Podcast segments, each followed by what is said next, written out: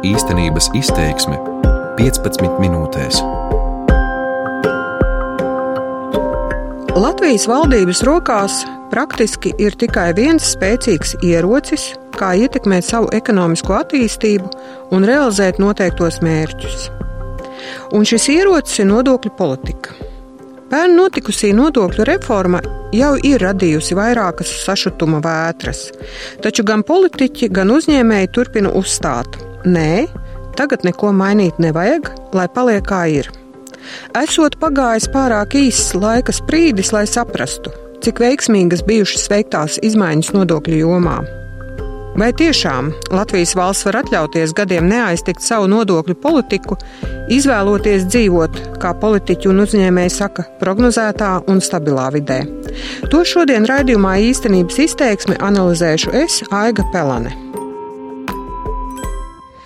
Gribu sākt ar nelielu atskatu vēsturē. Līdz šim bija tā. Te jau vai katru gadu Īsi pirms valdība apstiprina jauno valsts budžetu, iedzīvotāji un uzņēmēji uzzina, ka atkal mainās kāda nodokļu likme. Galvenokārt nodokļi palielinās, jo valsts budžetā kaut kam svarīgam naudas trūkst, un tas ir vienkāršākais veids, kā konkrēto caurumu aizlāpīt. Tikai retos gadījumos Latvijas valdība palielina nodokli, lai tiešām ar nodokļu palīdzību mēģinātu virzīt ekonomiku uz konkrētu mērķi. Piemēram, tā bija 2012. gada vidū, kad tika samazināts pievienotās vērtības nodoklis, lai piebremzētu cenu kāpumu un Latvija varētu izpildīt kritērijus un pievienoties Eirozonai. Un tas izdevās. Lai arī ar nodokļu politiku reizēm mūsu valstī gājas kā pa celmiem, 2017. gadā situācija bija nobriedusi un bija skaidrs, ka nepieciešamas daudz būtiskākas reformas visā nodokļu sistēmā. Jo valstī nekādi neizdevās izskaust aploksņu algas, nevienlīdzība turpināja pieaugt, valsts budžets, lai arī pildījās, tomēr nepietiekoši, jo naudas joprojām daudz kam trūka, un arvien uzstājīgāk skanēja arī uzņēmēju balsis, ka tā saucamo darba spēku nodokļu sloks ir par lielu, un strādāt Latvijā kļūst arvien neizdevīgāk. Nodokļu sistēmai bija jākļūst vienkāršākai, saprotamai un viegli administrējamai. Ideja Kā to visu panākt un mainīt, arī sākotnēji bija vienkārša. Samazināt darba spēka nodokļus, proti iedzīvotāju ienākumu nodokli un sociālās iemaksas, un palielināt patēriņu nodokļus, proti pievienotās vērtības, akcijas nodokli un palielināt arī nekustamā īpašuma nodokli. No patēriņu nodokļu nomaksas grūtāk izvairīties, un tas var būtiski mazināt arī ēnu ekonomikas īpatsvaru. Lai arī teorētiski viss bija skaidrs, un 2017. gadā ķeroties klāt jaunas nodokļu politikas izstrādēji, savi ieteikumi bija gan Pasaules bankai, gan Latvijas bankai, gan arī Latvijas uzņēmējiem, beigās sanāca tas, kas sanāca. Politiķi pieņēma politisku lēmumu un visu vēl vairāk samudžināja. Viens no diviem galvenajiem nodokļu reformas mērķiem bija mazināt nevienlīdzību iedzīvotāju vidū. Lai to izdarītu, tika ieviesta tā saucamā progresīvā nodokļu sistēma, un sabiedrības vairākums uz vēlēšanām saņēma to, ko gaidīja ilgus gadus. Ka bagātie Latvijas valstī maksā vairāk, bet mazo algu saņēmējiem uz rokas paliek vairāk naudas nekā līdz šim. Šī ideja realizējās ar dubulto progresivitātes ieviešanu, proti, tā saucamo lielo algu saņēmējiem, jeb tiem, kuriem alga pērn pārsniedza 1000 eiro mēnesī, noņēma neapliekamo minimumu. Un vēl tiem, kuriem algas pārsniedza 1667 eiro mēnesī, noteica arī lielāku iedzīvotāju ienākumu nodokli nekā tiem, kas saņēma mazākas algas. Ja paņemam sausus statistikas datus, tad pērn par nepilniem 8% ir samazinājies to iedzīvotāju skaits, kas savus ikdienas izdevumus sedza ar grūtībām. Tiesa, šis skaitlis joprojām ir ļoti augsts. Katrai trešajai maisaimniecībai ir pamatīgas grūtības savilkt galus kopā. Tomēr var uzskatīt, ka tendence kopumā ir pozitīva. Taču vai šos panākumus var norakstīt uz nodokļu reformas rēķina? Atļaušos teikt, ka negluži. Te bijušas citas ietekmīgākas lietas, proti, pērn ekonomika strauji auga un Latvijā sāka trūkt darba spēka. Tas joprojām dzen uz augšu algas un līdz ar to palielina arī iedzīvotāju labklājības līmeni. Ļoti nepatīkama blakne no iedzīvotāju ienākumu nodokļu izmaiņām atklājās šopavasar, kad cilvēki sāka iesniegt savas deklarācijas valsts ieņēmuma dienestā. Tad arī bija vērojams apmulsums, sašutums un neizpratne par to, kāpēc gan parādā valstī palikuši ne tikai tā saucamo lielo algu saņēmēji, bet piemēram arī jaunās māmiņas, kas atsāka darbu 2018. gadā, vai arī strādājošie, kuriem pērn auga ienākumi. Otrs nodokļu reformas mērķis bija veicināt ekonomisko aktivitāti. Uzņēmējiem no pērnā gada vairs nav jāmaksā uzņēmuma ienākuma nodoklis par reinvestēto peļņu. Viņi par to priecājas un vienmēr sauc kā pirmo un galveno ieguvumu no nodokļu reformas. Vai tas nesis kādus reālus augļus? Vai uzņēmēji sākuši vairāk investēt paši savu nopelnīto naudu uzņēmuma attīstībā, vēl īsti nav redzams. Taču ļoti ātri arī te bija jūtama kāda reformas blakne.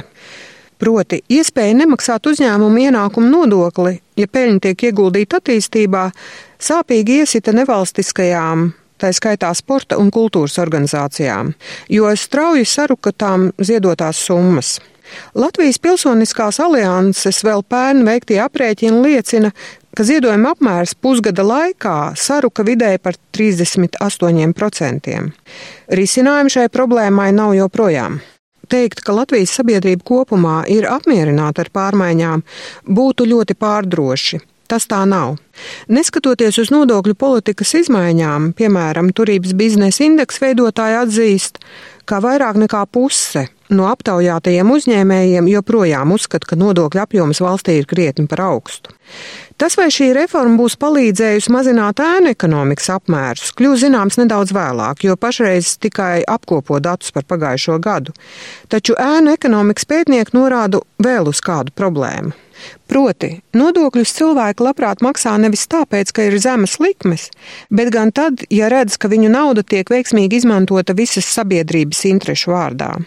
Diemžēl pēdējā laika notikumi, piemēram, ar pašvaldības uzņēmumu Rīgas satiksmi, ar nespēju atrast naudu skolotājiem vai nespēju pildīt solījumus un izbeigt OIK maksājumus, nekādi nerada priekšstatu, ka valstī ar publiskās naudas izlietojumu viss ir pilnīgā kārtībā.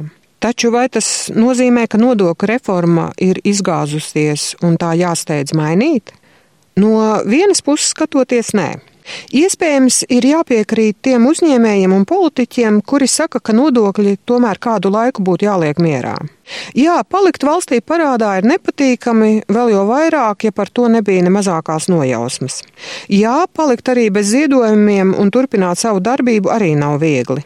Iespējams, jāmeklē citi risinājumi. Taču, skatoties no otras puses, vai valdībai maz izdosies trīs gadus neaiztikt nodokļu sistēmu, nemainīt likmes?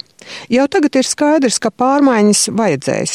Turklāt, ja vien politiķi saņemsies, visai kardināls un iespējams jau visai drīz. Turpinājumā par vairākām izmaiņām, kuras praktiski klauvē pie mūsu durvīm.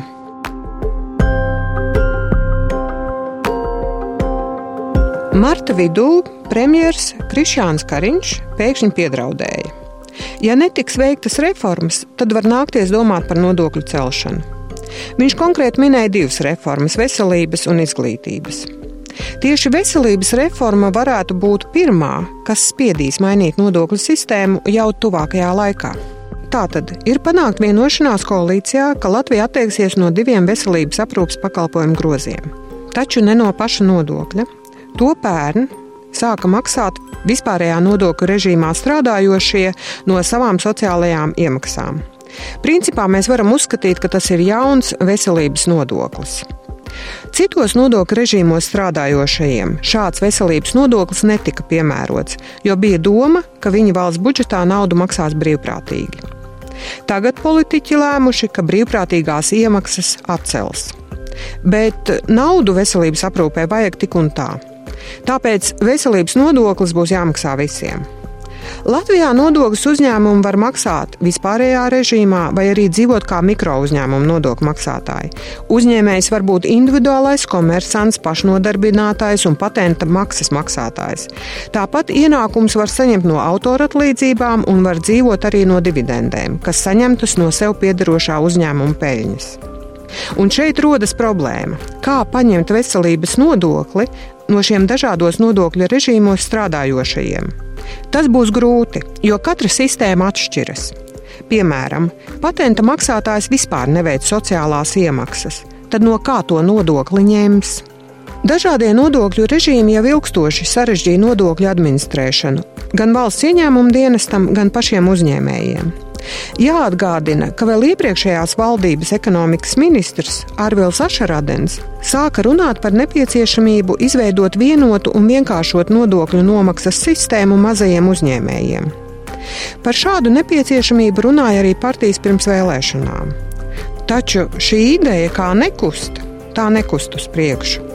Arī šeit prasītos pēc vienas kārtīgas reformas. Un ar reformām vēl turpināsim.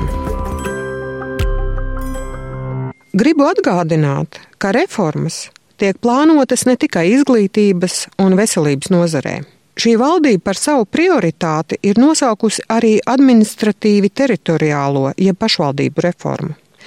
Lai arī pagaidām nav skaidrs, kā tas īsti notiks, reģionālās attīstības ministrs Juris Pūce jau ir minējis, ka vairāku gadu laikā šī reforma no valsts budžeta prasītu ap 300 miljonus eiro.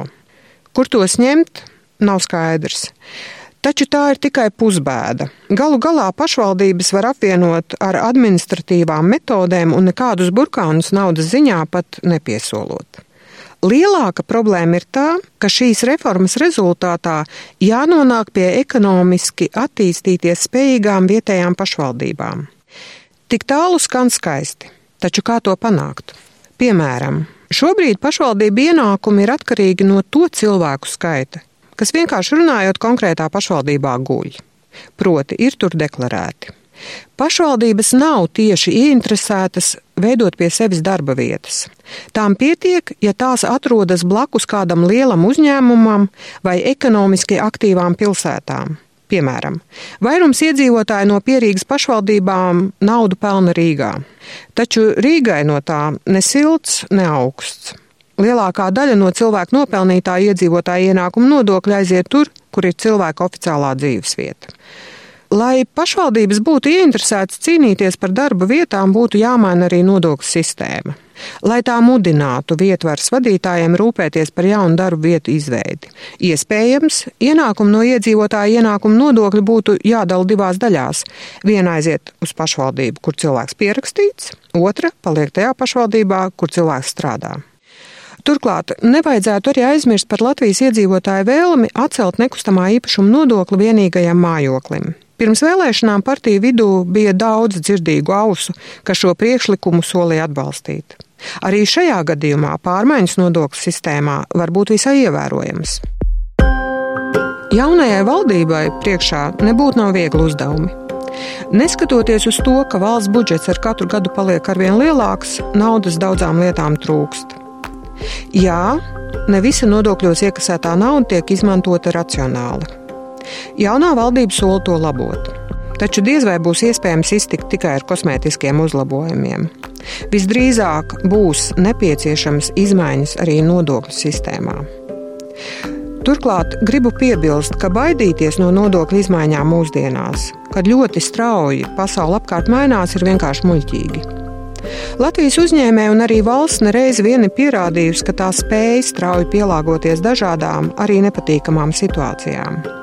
Tiesa, lai izmaiņas varētu veikt strauji, ir jābūt ne tikai gudriem politiķiem un saprotošiem uzņēmējiem, bet viegli saprotamai un arī viegli administrējamai nodokļu sistēmai. Diemžēl šobrīd esam visai tālu no šīm divām lietām. Īstenības izteiksmi šodien gatavoja Aiga Pelane, par skaņu rūpējās Kaspars Groskops.